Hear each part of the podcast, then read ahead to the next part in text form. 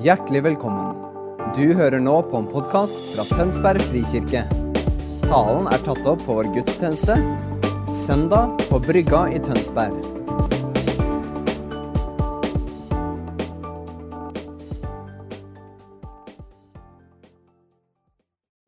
Jeg takker deg, gode, gode Jesus, for at du er til stede akkurat nå. Jeg takker deg for at du ved din ånd viser oss hvem du er. Helligånd, jeg ber om at i dag skal du komme og åpenbare Jesus for oss. Herliggjør Jesus for oss. La oss få lov til å se klart og tydelig hvem du er, Jesus. Jeg takker deg for ditt nærvær, din stemme og ditt ord som taler til oss. Tal til oss i dag, Gud. I Jesu mektige navn. Amen. Amen. Hmm. Så bra. God søndag, alle sammen.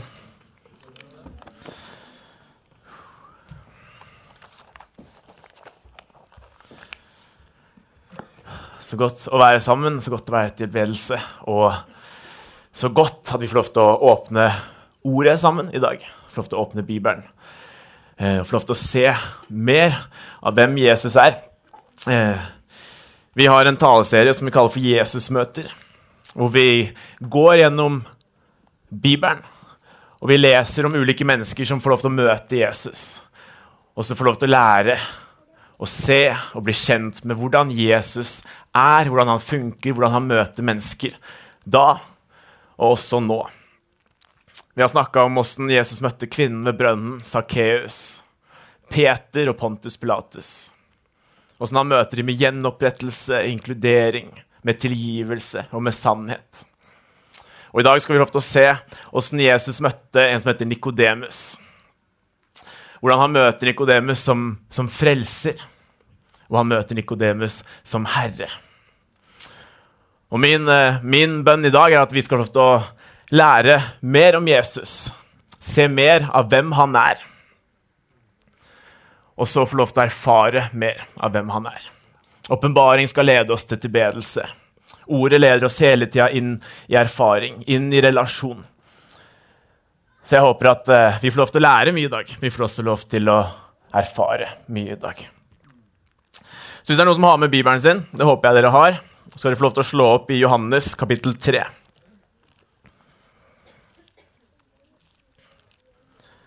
Og vi skal, vi skal lese sammen gjennom denne, denne fortellingen, gjennom dette møtet. Fra start til slutt. Men jeg er bare i kapittel 3 av Johannes, og likevel så allerede så har uh, Jesus gjort mye. Han har vært i uh, bryllupet i Kana. Han har, uh, han har kalt disiplene sine. Han har, han har snakka om tempelet. Og det er allerede her i, i Johannes sin fortelling begynt å gå et rykte om hvem Jesus er. Og om de tingene som Jesus gjør, måten han møter mennesker på med kraft og med kjærlighet, med frigjøring og helbredelse. Og Det er trolig det her som gjør at Nikodemus velger å finne Jesus, lete etter Jesus og komme til han. Vi leser de første to versene i kapittel 3. Det står det var en mann som het Nikodemus. Han var fariseer og en av jødenes rådsherrer. Og han kom til Jesus om natta, og han sa, 'Rabbi, vi vet at du er en lærer som er kommet fra Gud.' 'For ingen kan gjøre de tegnene du gjør, uten at Gud er med ham.' Det er, det er settingen for det møtet vi skal snakke om i dag.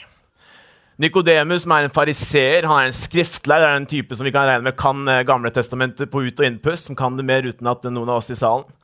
Han, han, har sett at det skjer ting i området, han har sett at det skjer ting, og folk snakker, og det er, eh, det er snakk om mirakler og under, og han tenker det her må jeg finne mer ut av. Så han kommer han finner Jesus på natta.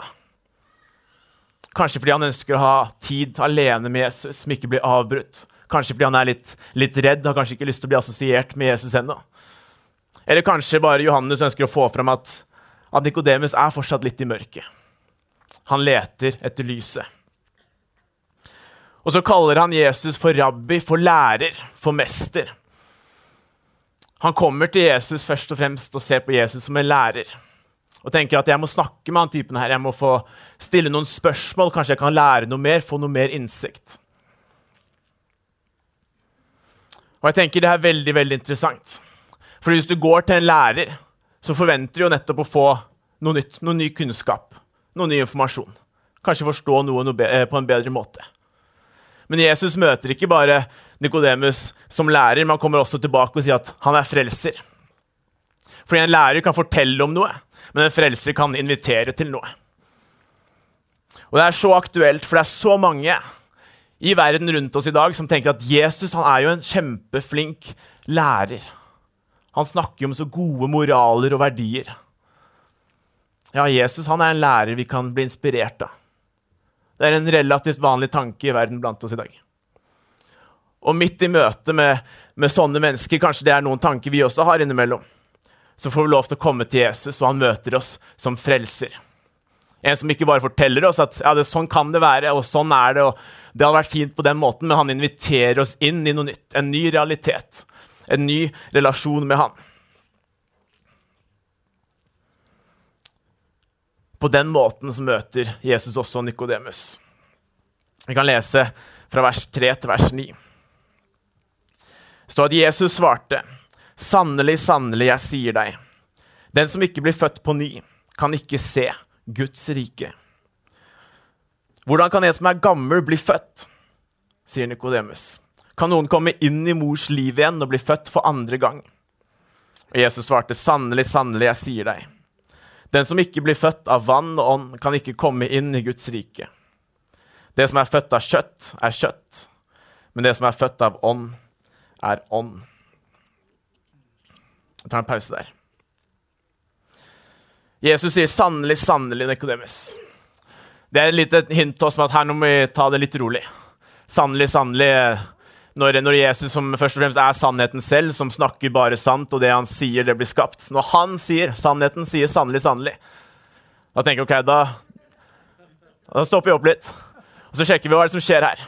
Johannes bruker den frasen der 25 ganger i evangeliet, og hver gang så kommer det en sannhet hvor det ikke er rom for tvil, men Jesus skal lære oss noe nytt. Sannelig, sannelig, jeg sier deg, den som ikke blir født på ny, kan ikke se Guds rike. Og det er ikke det Nikodemus forventa å høre fra Jesus. Han blir, han blir forundra. Hva er det som skjer her? Og Det har sammenheng med at Nikodemus, som, som, er jøde og som er fariseer, han regner med at han er allerede født inn i den riktige familien. Han er jo jøde, han er jo Abrahams etterkommer. Jeg er jo blitt født inn i Guds familie. Hvorfor skal jeg bli født på nytt? Det her gir ingen mening for Nikodemus. Men Jesus sier du må altså bli født på nytt. Det er ingen som kommer inn i Guds rike uten å bli født på ny. For Det er sånn at det er ingen moralske regler du kan følge, det er ingen religiøse skikker du kan gjøre nok av for å komme inn i Guds rike. Den eneste veien inn er å bli født på ny. Og det er bare Gud som kan føde. Jeg tenker at Hvis, hvis Jesus hadde sagt at hvis du blir vaska ren, så kan du komme inn i Guds rike, så hadde vi fort tatt i jorda og tenkt at ja, men da begynner vi å skrubbe godt. Da skal jeg vaske meg ordentlig ren, så jeg får lov til å komme inn i det riket der. ja. Men han sier du må bli født på ny. Og bare helt i det naturlige så er det ingen av oss som kan bli født av oss selv. Ikke sant? Ja, dere skjønte den? Vi blir ikke født av oss selv. Og på samme måte så kan du ikke bli født på ny av deg selv. Men det er en handling som Gud gjør. Hvor Gud kommer og føder deg på nytt, til et nytt liv med Han. Så ser vi i vers 4 at, at Nikodemus han, han, skjønner ikke. Men hvordan kan en som er gammel, bli født? Skal man liksom krabbe inn i mors liv igjen. Det her gir ikke noe mening. Og så svarer Jesus at du må bli født ved Den hellige ånd. Ved vann og ved ånd. Dette er på en måte inngangskravet til Guds rike. Det er ingen vei inn utenom å bli født der. Det er litt som om Vi kan ta et eksempel. Er, det noen fra Sverige her i dag? Nei, det er bra. Da krenker vi ingen. Se for dere at eh, Se for deg at Sverige sier at ja, for å kunne bo i Sverige, da må du være født i Sverige. De lager en ny lov. Da hjelper det plutselig ingenting hvor svensk du, du er, hvis ikke du er født der. Du kan, du kan ta Svensson som etternavn, det hjelper ingenting. Du kan, eh, du kan, lære deg flytende svensk, og det hjelper ingenting. Du kan spise så mye kjøttbuller du, du vil ha, det, det hjelper ingenting. Du kan kle deg som en svenske, gjøre religion som en svenske. De har ingen effekt. Om, om foreldrene dine er født i Sverige, så hjelper det ingenting. Og uansett hvor mange venner du har i Sverige, så får du fortsatt ikke lov til å bo der. Og akkurat på den måten folkens, så er det med Guds rike òg. Uansett hvor kristen du ser ut, eller hvor kristen du tror du er, det hjelper ingenting. Du må bli født på ny. Uansett hva slags eh, skikker og regler og moraler du tenker at du har, hjelper ingenting. Du må bli født på ny for å få lov til å komme inn. Og faktisk, Uansett hva dine foreldre tror, eller hvor mange kristne venner du har, eller hvor lenge du har hengt i kirka, det hjelper ikke. Du må bli født på ny for å få lov til å komme inn i Guds rike. Det er den eneste veien inn, og det er kun gjennom Jesus. For det er han som føder på nytt. Og Da tenker noen kanskje men da var det en solid og fin eh, forklaring, Jesus. Takk. Nikodemus er ikke helt der. I vers 7 så, så skjønner vi at han sitter fortsatt og er forundra. Og Jesus sier, 'Undre deg ikke'. Undre deg ikke, Nikodemus, om at jeg sier at du må bli født på ny. Og Jesus prøver å forklare på nytt til Nikodemus. Hva er det her? Og han bruker et bilde om vinden i vers 8. Vinden blåser dit den vil. Du hører den suser, men du vet ikke hvor den kommer fra, og hvor den farer hen. Slik er det med hver den som er født av Ånden. Jesus prøver å gi Nikodemus en, en forståelse, en sannhet, som er veldig viktig. Nemlig at du må ikke alltid forstå for å kunne erfare. Når det, når det blåste ordentlig godt her for noen uker siden, så tenkte jeg veldig lite over om det var en nordavind som kom, eller om det var en østavind som kom, eller om det var noe som kom fra vest eller sør. Det tenkte jeg veldig lite på. Alt jeg visste, var at jeg må ut og passe på at det er ingenting som flyr bort. Jeg forsto ikke så mye av hvor den vinden kommer fra. Men jeg skjønte at den kommer til å ha en effekt på, på tinga ute hvis ikke jeg rydder opp. Og Sånn er det også med med det å bli født på ny og få lov til å leve sammen med Gud. Du må ikke forstå absolutt alt. Du må ikke kunne forklare til naboen din hei, det er det her som skjedde med meg i går. Du må ikke kunne sette de perfekte orda og være den fremste læreren for å kunne erfare at Gud ønsker relasjon med deg. Erfare at Gud kaller deg og ønsker å komme nær til deg. Du trenger ikke det. Nikodemus, du trenger ikke det i Jesus. Og samtidig Vinden er litt utforutsigbar. Ikke sant? Jeg kan se for meg at Nikodemus, som er fariser og skriftlærd, han er, han er kanskje en ganske ordentlig type. Er det lov å tenke seg? Jeg regner med at kontoret hans var ganske ryddig og pent. Det lå ikke papirer på alle kanter. Og tanken om å lokke opp vinduet og la vinden komme inn Vinden som du ikke kan styre, vinden som du ikke kan nødvendigvis kontrollere. Det må ha vært litt skummelt for Nikodemus. Og det er kanskje litt skummelt for noen av oss i salen også. Men når vi ønsker å komme inn i Guds rike, så er det gjennom en overgivelse til Gud. Hvor vi faktisk sier, 'Gud, din vei er bedre enn min vei'. Ja, Gud, jeg har faktisk å gi meg til deg.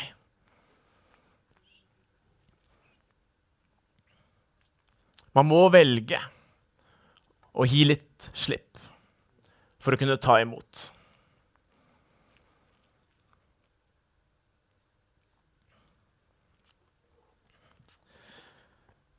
Og Nikodemus fortsetter i vers 9. Hvordan kan dette skje? Og Jeg er veldig, jeg er veldig takknemlig for at Nikodemus spør. Det må jeg bare si. Vi hadde jo ikke fått den fine teksten her hvis ikke Nikodemus hadde vært litt treg med å forstå, ikke sant? Så det er veldig fint. Takk, Nikodemus. Vi leser vers 10 til vers 15. Jesus svarte, 'Du er en lærer for Israel og vet ikke det.' 'Sannelig, sannelig, jeg sier deg.' Vi taler om det vi vet, og vitner om det vi har sett. Men dere tar ikke imot vårt vitneutsagn. Hvis dere ikke tror når jeg taler til dere om det jordiske, hvordan kan dere da tro når jeg taler om det himmelske? Ingen annen er steget opp til himmelen enn han som er steget ned fra himmelen, menneskesønnen som er i himmelen. Og slik Moses løftet opp slangen i ørkenen, Slik må menneskesønnen bli løftet opp, for at hver den som tror på ham, skal ha evig liv. Vi begynner på toppen. Jesus spør Nikodemus, vet ikke du det her, du som er en, en lærer for hele Israel? Det gir oss et hint om at det Jesus snakker om, det er ikke noe, er ikke noe nytt. Det er ikke sånn at Jesus kom på det her i det øyeblikket han sier det. Men det er en hel haug med løfter og profetier i Det gamle testamentet som viser og peker frem mot det som Jesus snakker om. F.eks. i Esekiel 36. Vi kan få det opp på skjermen. Hvor det står at 'jeg stenker rent vann på dere, så dere blir rene'. 'Jeg renser dere for all urenhet og for alle avgudene'. 'Jeg gir dere et nytt hjerte, og en ny ånd gir jeg inni dere.' 'Jeg tar steinhjertet ut av kroppen deres og gir dere et kjøtthjerte i stedet.' 'Og jeg gir min ånd i dere og gjør at dere følger forskriftene mine', 'holder lovene mine og lever etter dem.' Da skal dere få bo i det landet jeg ga fedrene deres. Dere skal være mitt folk, og jeg skal være deres Gud. Jesus kommer ikke med noe som Nikodemus ikke egentlig burde ha visst om. Nikodemus kjenner disse løftene, det er bare ett av mange mange løfter. Men det er likevel så vanskelig å forstå og ta imot at det er Jesus det er han som sitter foran meg, som er den som skal bringe dette løftet inn i oppfyllelse. Det er ikke en annen tid, men det er nå, med han som sitter rett foran meg. Det er han som oppfyller. Det er han som gjør at det her blir virkelighet. Skjønner ikke du det her? Nikodemus, sier Jesus. Så sier Jesus sannelig, sannelig igjen, og da vet vi hva som skjer, ikke sant? Veldig bra. Så begynner Jesus å snakke om at ingen annen er steget opp enn han som er kommet ned. Akkurat som vi har lest om i Johannes-prologen, at ordet var hos Gud. Ordet er blitt menneske. Jesus underbygger sin autoritet og viser Nikodemus at 'jeg sier ikke bare noe i meg selv, men jeg sier noe fordi jeg er hvem jeg er. Jeg er Herre. Jeg er Gud.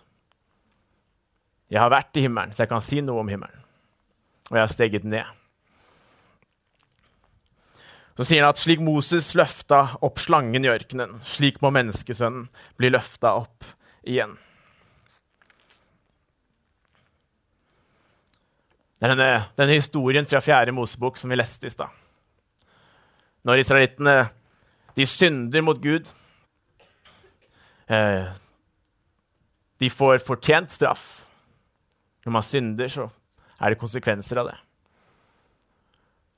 Og så ber eh, Moses for folket etter at de vender seg om. Og han lager en, en slange og løfter den opp. Og alle som vender seg og ser på slangen, de får leve. Og Jesus bruker det bildet her for å forklare sin egen gjerning. Forklare hva han er kommet for å gjøre. Denne slangen som Moses lager, han lager det ut av kobber. En kobberslange. Og Gjennom Bibelen så er kobber et, et symbol på, på, dom og på synd. Og vi skjønner at når, når Moses løfter opp kobberslangen, så er det en syndfull slange som blir løfta opp. Et bilde igjen som viser oss, peker frem mot Jesus. som når han henger på korset, blir gjort til synd for oss. Slik at vi får lov til å ta imot Guds rettferdighet. Og alle israelittene som var bitt, de måtte se, eller de fikk muligheten til å se, mot korset. Og Det er en historie som vi også burde kjenne oss igjen i. Fordi sannheten er jo at alle er på en eller annen måte blitt bitt. På en eller annen måte så, så er det en sykdom som har tatt over oss også. Og vi trenger en frelser. Vi trenger noen som kan komme og frelse oss. Og Jesus blir løfta opp, sånn at vi også kan velge i dag å se til han, vende blikket mot han, sette vår tillit til han og ta imot tilgivelse og evig liv. Det står i Jesaja 45, 22. Vend dere til meg og bli frelst, alle jordens ender, for jeg er Gud og ingen annen. Akkurat på samme måte som kobberslangen blir løfta opp på noe som ser ut som et trekors. Og israelittene må fysisk vende seg og se. Og jeg kan forestille meg at det er mange som tenker at det her er jo så dumt og teit og latterlig at en kobberslange skal liksom redde meg fra det bittet som jeg har fått. Og så må de faktisk ta en avgjørelse om at jeg velger å snu meg og se for å ta imot liv. Og vi har det akkurat på samme måten. Det er mange som tenker at det er jo latterlig at en gud, en mann på et kors, har noe som helst med frelse å gjøre.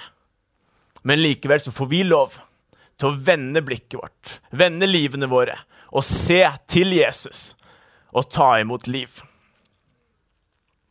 Korset er det ultimate tegnet på kjærlighet. Det er der Gud viser hva ekte kjærlighet er. Vi skal lese videre noen av kanskje Bibelens mest kjente vers. Når vi leser Johannes 3, 16 og ut. For så høyt har Gud elsket verden, at han ga sin sønn, den enbårne, for at hver den som tror på ham, ikke skal gå fortapt, men ha evig liv. Og Gud sendte ikke sin sønn til verden for å dømme verden, men for at verden skulle bli frelst ved ham. Den som tror på ham, blir ikke dømt. Den som ikke tror, er allerede dømt, fordi han ikke har trodd på Guds enbårne sønns navn. Og dette er dommen. Lyset er kommet til verden, menneskene elsket mørket høyere enn lyset, fordi deres gjerninger var onde. For den som gjør det onde, hater lyset og kommer ikke til lyset for at hans gjerninger ikke skal bli avslørt. Men den som følger sannheten, kommer til lyset, så det skal bli klart at hans gjerninger er gjort i Gud. Vi leser at for så høyt har Gud elsket verden, at han ga sin sønn den enbårne. For at hver den som tror på ham, ikke skal gå fortapt, men ha evig liv. Den lille Bibel en god oppsummering på, på hele boka. Vi leser at det som viser Guds kjærlighet for verden, det er at han sender Jesus til å dø på korset. Du kunne like gjerne oversatt med at for slik har Gud elsket verden, ved at han ga sin sønn, den enbårne. Det er det som er tegnet på kjærlighet. Hvis du noen gang lurer elsker Gud meg, Plukk opp og les. Dette er beviset på at Gud elsker deg. Han elsket hele verden. Det er en åpen invitasjon. Det er ingen som er ekskludert fra det. Det står at han elsket verden. Det betyr meg og deg, alle som sitter her, og alle som er på utsiden av døra også. Han elska verden. Og han valgte å gå i døden for å redde oss.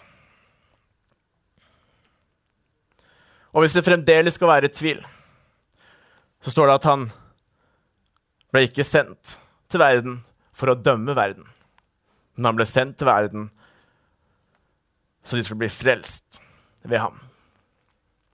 Hvis du sitter der i dag og tenker at du har gjort noe feil, du har gjort noe dumt, du kjenner på skyld eller på skam, så er dette et ord til deg. Jesus kom ikke for å dømme verden men han kom for å frelse verden. Det er ganske stor forskjell.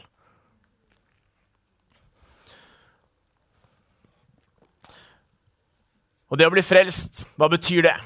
Jeg kunne sagt mye om det. Det greske ordet 'soso'. Det er et ord som beskriver hele oss, både vår kropp, vår sjel og vår ånd. Det er noe som påvirker vår fortid, vår nåtid og vår fremtid. Du kunne også oversatt det med 'å bli redda'. For hvis du blir frelst, blir du frelst fra noe. ikke sant? Hvis noen redder deg, så redder de deg fra noe. Og Det er et bra spørsmål å stille seg selv. Hva er det jeg blir frelst fra? Hva er det Gud redder meg fra? Det er det bare å lese i første Mosebok om, om syndefallet. Vi sier at vi blir frelst fra en evig og sikker død. Fordi vi fortjener død pga. alle de misgjerningene og den synden vi har gjort. Vi blir også redda og frelst fra dødens påvirkning på oss. alt som er død, ondskap, sykdom, splittelse, som så lett har lyst til å komme. Vi blir frelst fra dødens påvirkning av oss. Dødens innflytelse. Og så ble vi frelst fra separasjon av Gud. Når mennesker måtte gå ut av Edens hage. Vi ble frelst fra det og få lov til å komme tilbake igjen. Og vi ble også frelst fra all skam og håpløshet. Fordi i Gud og i Kristus så har vi håp. Og det er, det er, gøy, og det er spennende, og det er fint og det er oppmuntrende å høre om hva vi blir frelst fra.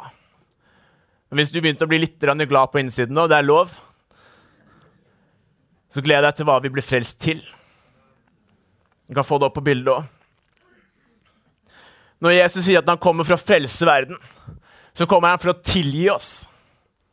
Det betyr at all vår skyld, all vår synd, all den straffen som vi fortjener, den er langt borte og noe vi aldri ser mer til.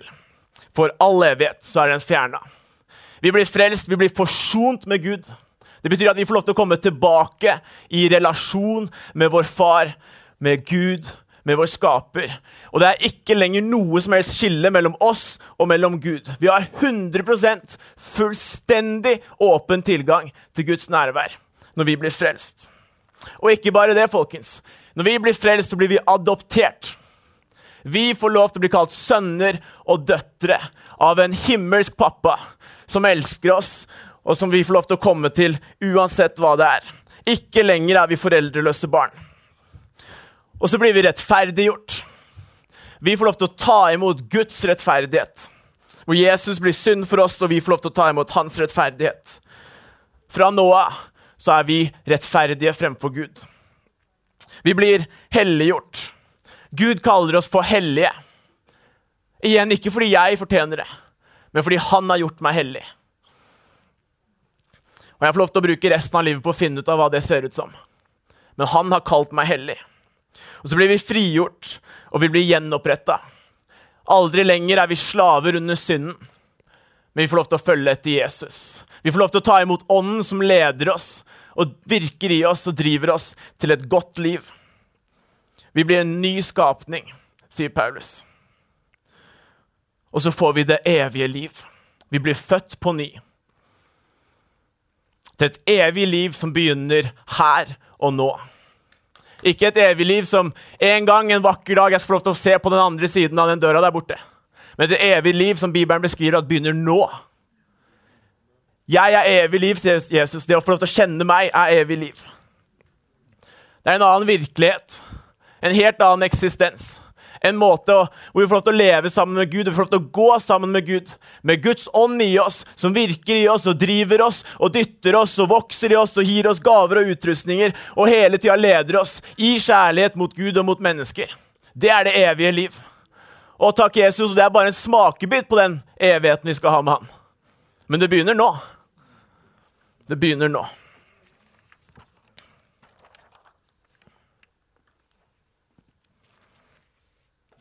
Jesus kommer til Nikodemus som en frelser, men han er fremdeles herre. Og han er knallhard, i min mening, i måten han snakker til Nikodemus. Han sier at det er tro eller ikke tro. Det er bare to muligheter. Du er dømt eller ikke dømt. Det er bare to muligheter. Det fins ingen middelposisjon. Det er ingen ingen måte å stå midt i skillet og tenke at jeg tar det valget senere. Enten så blir vi i mørket, eller så kommer vi fram til lyset. Det tvinger oss til et valg. Alle som en. Vi har valget. Har jeg lyst til å bli værende i dette mørket? Eller har jeg lyst til å følge sannheten og komme inn i lyset? Jesus han er frelser, og han lengter etter å frelse oss. Men han vil alltid være herre. Han vil alltid være han som setter kravet, han som definerer. Han er mesteren. Og det er ikke mulig å komme seg unna hans sine krav. Vi må velge å venne oss til han, akkurat som israelittene gjorde det i ørkenen. Vi må bli født på ny. Vi kan ikke bli født på ny, vi må bli født på ny. Jesus er den eneste veien.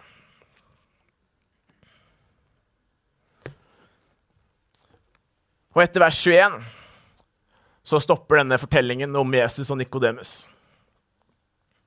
Og Hvis du er veldig nysgjerrig på hva som skjer med Nikodemus, kan du lete etter han i kapittel 7 og kapittel 19 og, ta, og gjøre din egen vurdering av hva som skjer. Men det er egentlig ikke så nøye akkurat nå hva som skjer med Nikodemus. Jeg tror Johannes har skrevet om dette møtet på den måten her, hvor det er en helt åpen slutt. Fordi egentlig så er ikke dette en fortelling om Nikodemus. Det er jo en fortelling om Jesus og måten han ønsker å møte deg og meg i dag. Og Derfor er det en åpen slutt. Fordi vi står i det samme valget som Nikodemus har. Hva ønsker jeg å gjøre med det her? Hva skal jeg gjøre nå? Nå har jeg forklart, fått det forklart på flere måter hva det vil si å være født på ny. Jeg har fått det forklart at Jesus han elsker meg, og han har kommet fra himmelen og ned for å frelse meg. Hva gjør jeg med det? Det er jo helt opp til meg, og det er mitt valg. Det jeg vet er sikkert, er at Nikodemus så ut som en mann som hadde alt på plass, og likevel så trengte han en frelser. Jeg er en mann som trenger en frelser. Jeg trenger å bli født på nytt. Og heldigvis har jeg fått lov til å erfare det. da. Takk. Ikke bli, ikke bli bekymra. Men det hjelper ikke å ha suksess i livet. Det hjelper ikke å gjøre alt det rette i livet. Det hjelper ikke å ha god sosial status blant folk på, på jobben og i nabolaget. Det hjelper ikke med masse fin kunnskap hvis ikke det leder oss til å ta et valg nærmere Jesus.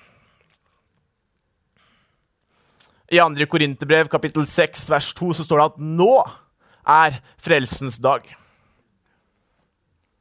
Jeg vet ikke om du hørte riktig, men ikke, ikke, ikke dag. Ikke etterpå. Ikke når vi skal ha forbønn om litt. Ikke når du går hjem, eller kanskje i morgen eller kanskje jeg tar det neste uke. Men nå! Nå er frelsens dag. Så desperat er Gud etter å få på plass en ordentlig relasjon med deg. Og få vaska deg ren, gjort deg rettferdig og gjort deg hellig. Og sånn at du får lov til å komme fremfor ham og ta imot evig liv ved å bli født på ny. Og Før vi fortsetter, så har jeg lyst til å gi ut en invitasjon. Hvis du sitter i det rommet her Kanskje du har vært her mange ganger, kanskje du aldri har vært der før. Det er ikke så viktig. Men hvis du ikke har tatt det valget Jeg har faktisk lyst til å følge Jesus. Jeg har faktisk lyst til å overgi meg selv og velge å følge Han som er herre og mester. Og få lov til å bli frelst. Så er dette din mulighet. Nå er frelsens dag. Det står i Romeren at hvis du tror i ditt hjerte og bekjenner med din munn, så skal du bli frelst. Og Hvis du har lyst til å gjøre den bekjennelsen i dag, skal du få lov til å bare rekke opp en hånd og vinke til meg.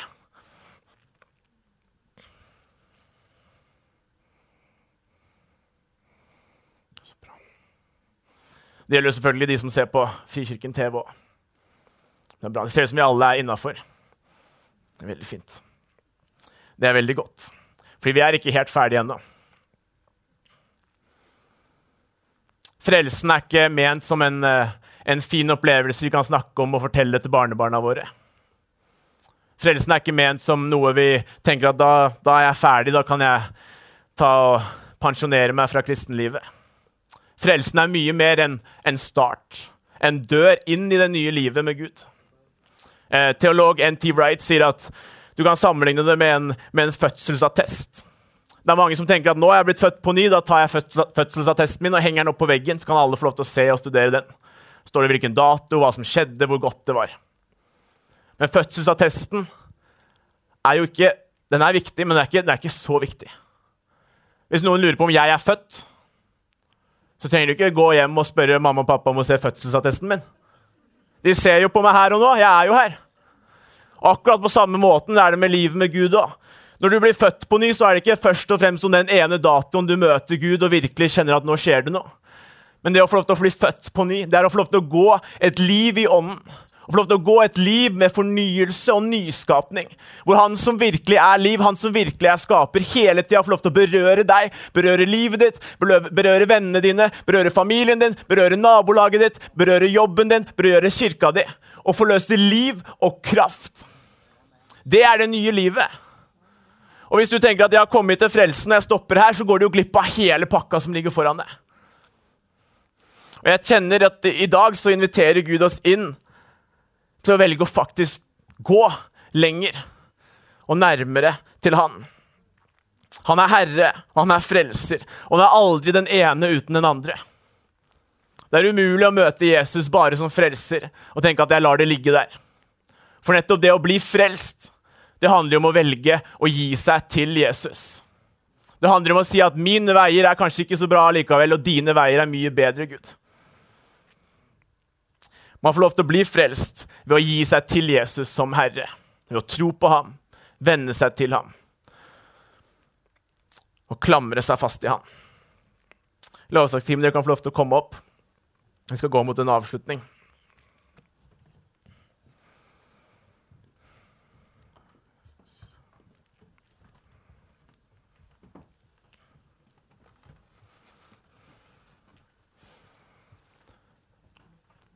Vi som kristne er kalt til å glede oss og feire det som Jesus har gjort for oss. Det å få lov til å ta imot frelsen. Det er noe vi får lov til å glede oss over dag etter dag etter dag. Og det er viktig å bli gjentatt og få høre på nytt og på nytt hva Gud har gjort. Det skaper ingenting annet enn håp og takknemlighet. Og Samtidig så hjelper det oss til å bli minna på at det her er jo bare starten. Vi er kalt til det evige liv. Jeg har fått lov til å ta imot Gud på innsiden. Gud som skapte verden. Som skapte liv ut av ingenting. Tenk hva han kan gjøre med mitt liv, hvis det føles ut som ingenting. Tenk hva han kan gjøre med mitt liv så lenge jeg er villig. Tenk hva han kan gjøre med mitt liv så lenge jeg tør å ta imot mer. Så jeg har lyst til å invitere dere til å reise dere opp når vi går inn i tilbedelse igjen.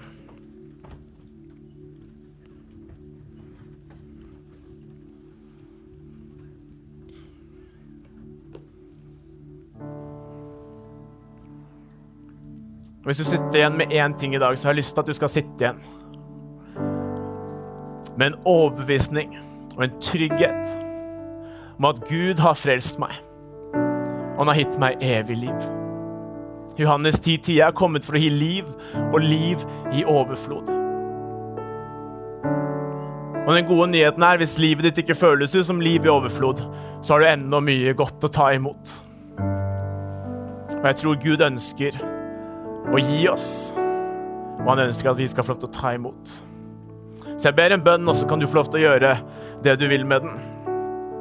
Men Jesus, jeg takker deg for at du kom ned til jorda for å frelse oss. Og jeg takker deg, Jesus, for at du er herre. Du er skaper. Du er mester.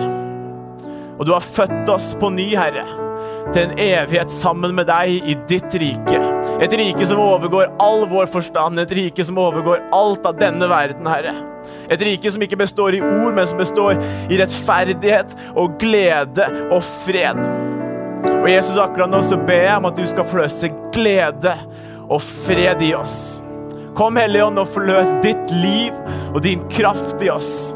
Kom og virk i oss og driv oss ut, Herre, til å være mennesker som elsker andre mennesker med kjærlighet i ord og gjerning, som forløser kraft og helbredelser og mirakler. Takk, Jesus, for at du har sendt oss til denne verden på samme måten som du ble sendt ned til oss. Og Jesus, vi ønsker bare å ta imot mer av det gode du har for oss i dag.